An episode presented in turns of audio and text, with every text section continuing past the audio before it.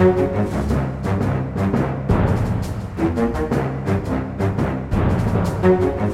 men Da er vi tilbake med et landsmøtenachspiel for eh, Frp denne gangen. Det er søndag ettermiddag når vi spiller inn. Jeg er Lars Glomnes og Kjetil Alstheim. Du sitter på hjemmekontoret ditt og har fulgt nøye med på det som har skjedd i helgen. Det har vært en fornøyelse, selvfølgelig.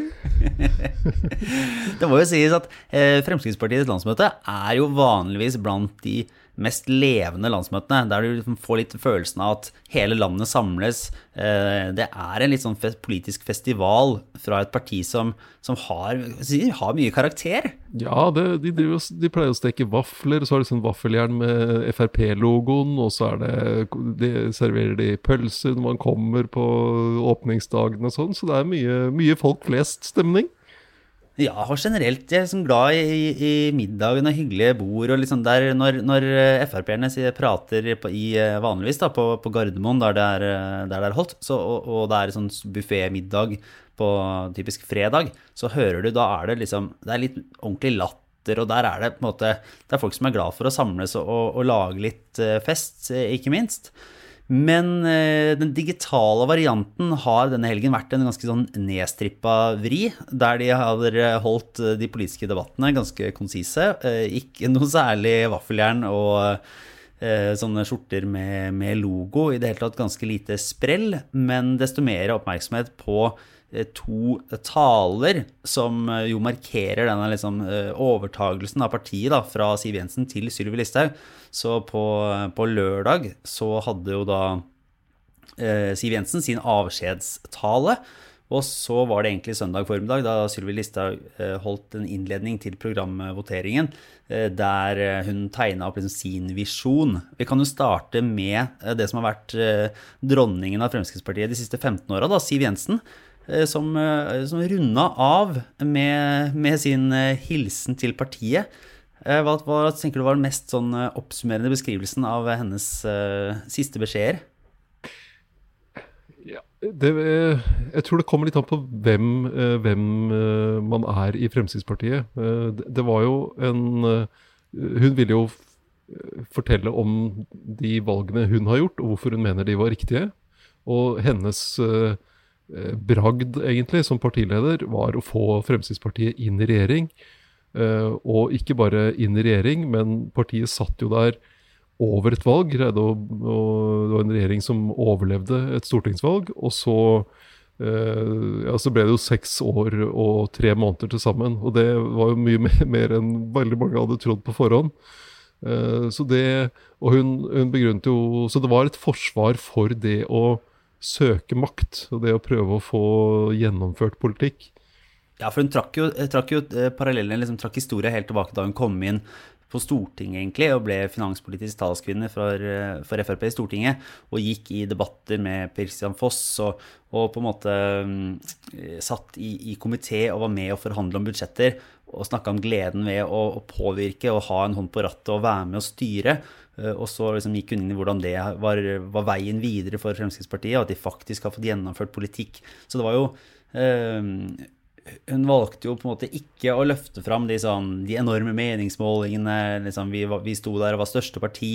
Eh, det har vært liksom entusiasme i 15 år. Altså den, de eh, kanskje sånn største eh, populære oppturene, da, men valgte å legge vekt på partiet som en, en, faktisk bidragsyter til politiske løsninger. Og det kan jo leses inn i, et, uh, i, en debatt om hva Fremskrittspartiet skal være. Om det skal være en sånn opposisjonsparti som hakker løs og eh, bare pr liksom prater, eller om de skal være en uh, liksom, liksom, sånn konstruktiv opposisjon, eller liksom sekte inn mot makt i framtida. Mm.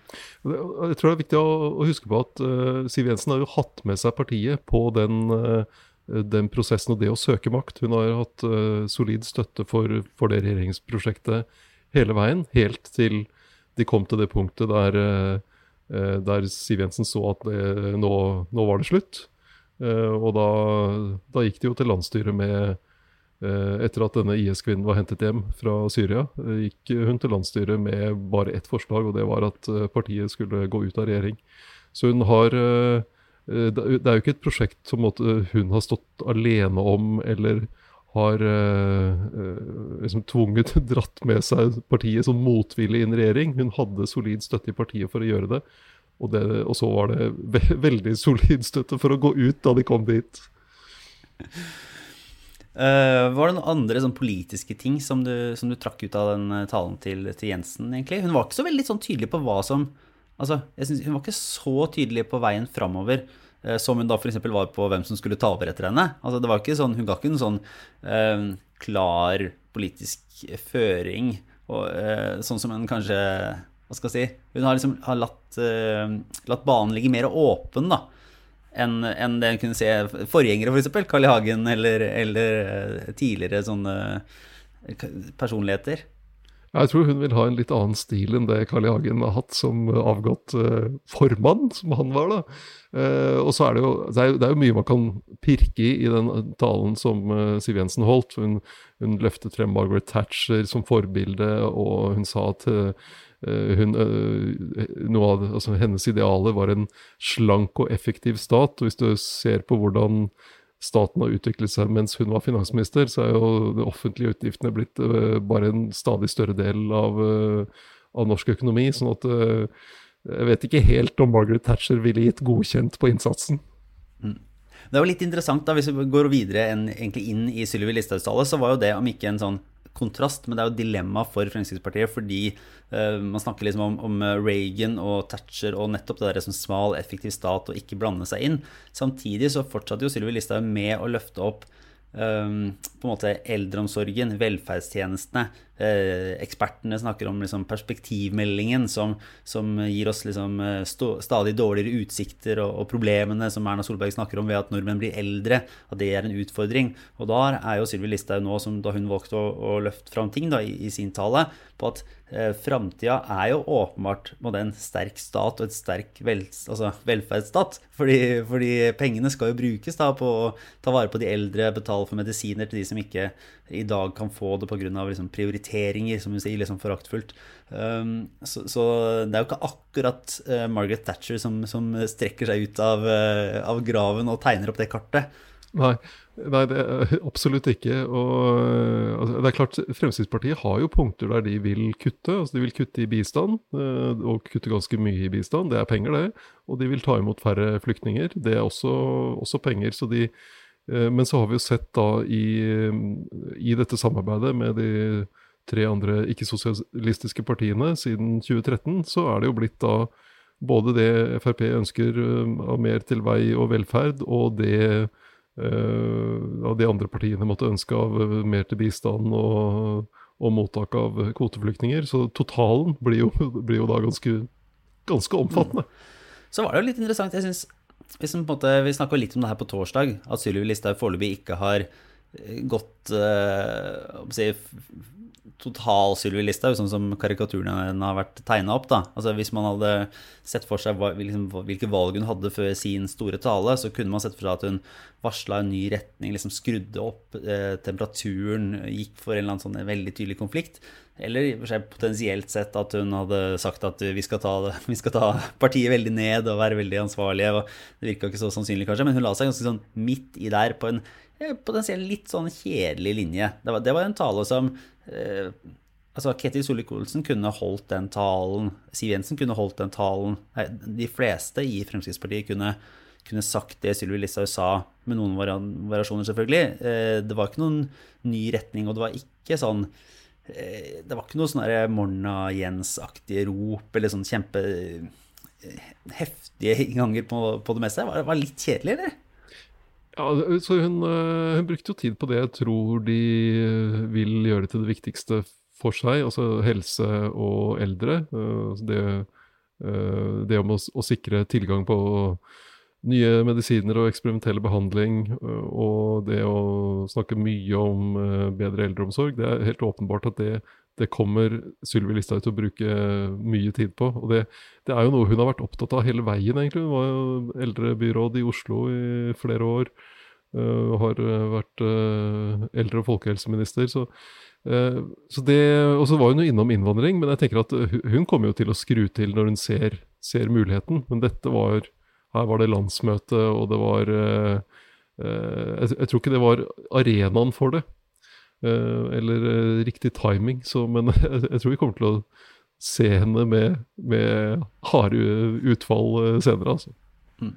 Så var det jo tydelig egentlig i, ja, altså i det meste, både i debatten og, og i de to talene, at det var liksom det er Arbeiderpartiet og, og i hermetegn sosialistene som er hovedhoggestabben. Det, det, er de som løftes fram som, som, representantene for en stat som vil ta valg for deg. Altså liksom overformynderiet, den liksom klassiske eh, Alt det Frp har opponert mot, da. Eh, så var det jo litt påfallende at det var et annet parti som absolutt ikke ble nevnt, Kjetil. Ja, hun, hun sa ingenting om Senterpartiet eller Trygve Slagsvold Vedum i, i, talen sin. Hun, uh, talen var jo en presentasjon av det nye partiprogrammet. Og da var det jo opptil flere utfall mot sosialistene, men ingenting om, om, Senterpartiet. Og det, det, er jo interessant å høre på hvordan hun, hun, snakker om Senterpartiet, og hvordan de stadig er ute og sier at Senterpartiet burde jo samarbeide med oss. og Eh, Carl I. Hagen som var ute og ville ha et samarbeid med Senterpartiet. Og, sånt, og det, er, det, er, klart de har, de har eh, noen kontaktpunkter, de to partiene. Eh, men akkurat den type utspill handler jo mest om å prøve å få, få velgere hjem igjen fra Senterpartiet. For å liksom, fortelle at ja, den avstanden er jo ikke så stor, og, og kom heller hjem. mm. Ja, for, men er det, Tolker du det som et ønske om å på en måte være snille med Senterpartiet, eller ikke gå i clinch med dem, eller, eller hva, altså, hva, hva, kan vurderinga være med å ikke tegne opp at liksom, Knytte Senterpartiet til i hermetegn sosialistene, da, så, så, tydelig. Det er jo selvfølgelig noen som gjør det underveis, men Sylvi Listhaug var ikke, ikke, det var ikke et trekk ved hennes uh, liksom, politiske budskap. Nei, hun, hun, må jo nesten velge litt. For når hun først sier at, eller i ene øyeblikket sier at uh, Senterpartiet burde samarbeide med oss fordi vi har så mye vi er enige om, så blir det vanskelig for henne å å angripe dem veldig hardt for, eh, i hvert fall for politikken. Hun kommer jo til å angripe Senterpartiet, og det gjør hun jo allerede, for å samarbeide med sosialistene, altså Arbeiderpartiet, SV. Uh, hun kommer sikkert til å slenge på MDG og Rødt også. Mm. uh, så, så, den type utfall og angrep kommer vi jo til å høre. Men så var det likevel ett område der Sylvi Listhaug og vel også egentlig Siv Jensen tegna opp en ganske tydelig front. Altså, klima var jo et uh, tema for, for, begge to. Uh, og, og ganske, det som var ganske likt for begge, var at de brukte det mest som et, som et angrep på andre som vil ha klimapolitikk. Uh, og at det var Jeg syns Siv Jensen, og både Siv Jensen og Sylvi Listhaug gikk veldig langt i i, uh, i det å, å, nærmest fremstille klimapolitikk som en slags sånn maskert sosialisme. At det er bare sosialistene som kommer en gang til og skal inn og regulere folks liv. De bare kaller det klimapolitikk. Ja, altså, ja, gikk, gikk så langt som at de sa det ganske rett ut? De, de, gikk, ja, de gjorde det. Og det, altså, hvis du ser internasjonalt på det, og de som uh, av internasjonale ledere som, som, profilerer seg på klimapolitikk, så er det Angela Merkel i Tyskland, Boris Johnson i Storbritannia, Emmanuel Macron i Frankrike, Joe Biden i USA og, og, vår hjemlige Erna Solberg. og Ingen av dem er sosialister. Så, så altså, jeg, jeg, mener at uh, Fremskrittspartiet kunne tatt en posisjon i klimadebatten. Og det hadde vært å si at vi må ha Eh, vi må ha tiltak som ikke er symbolpolitikk og ikke er altfor dyre. Og så kan de angripe sånn som elektrifisering av sokkelen. Men, fordi for Det er mye å diskutere om hvilke tiltak man skal sette inn. Men problemet for Frp er at det fortsatt er uklart om de mener klimaproblemet er et problem. Om det er et menneskeskapt problem eller ikke. og det, Der vedtar de jo et program, et program da, der det, dette fortsatt er liksom oppe til diskusjon. Og at de ikke De klarer ikke komme dit der de bare aksepterer det, det beste som er av forskning og kunnskap i verden, og, og, og slutter seg til de eh, klimamålene som er, og så tar en, heller tar en diskusjon om tiltakene, og hva som skal gjøres. Ja, for det er helt åpenbart at eh, så godt som alle tiltak som foreslås av andre partier, eh, i hvert fall alt det som blir løfta fram her, er jo ting som de da sier er en, er en, Klima er en unnskyldning, da. Altså det er en sånn påstått eh, det er en grunn for å komme med et eller annet som staten alltid vil trekke ned over hodet på deg.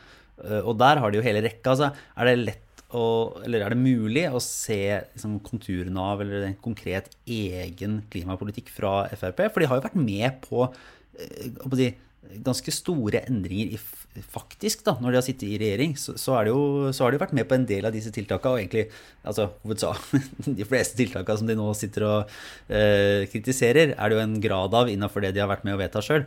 Ja, altså, de, har vært med, de har vært med på alt. De har, de har, vært med på å godkjenne Parisavtalen. De har vært med på å godkjenne avtalen med EU, som uh, er den mest forpliktende klimaavtalen Norge har sluttet seg til, og som gir uh, pålegger Norge å trappe ned utslippene hvert eneste år frem til 2030. Eh, de, eh, de var med på å skjerpe ambisjonen for kutt i oljesek eh, oljesektoren for et år siden. Sånn at de, de, har vært med på masse vedtak som de nå på en måte, Nå er det uklart om de syns dette var lurt å være med på i det hele tatt, om de fremdeles står bak dem. Hmm. Men tror du at går det an å føre den klimapolitikken som det tegnes opp et bilde av, i realiteten i Norge? Eller, eller ender det opp som et, en, en sånn kontinuerlig motstand da, mot, mot, alt det andre som foreslås? Så, sånn som, uh, sånn som Sylvi Listhaug og Siv Jensen snakket om klima i helgen, så var det Carl I. Hagen som var fornøyd. Og han, uh, han mener jo at klima, menneskeskapte klimaendringer eh, er et påfunn. Mens sånn som Ketil Solvik-Olsen har jo holdt på lenge, også før Frp gikk inn i regjering, å prøve å, å skape et rom for Frp der de aksepterer at uh, klimaendringer er et problem, et menneskeskapt problem, og så diskutere og hva er de effektive virkemidlene.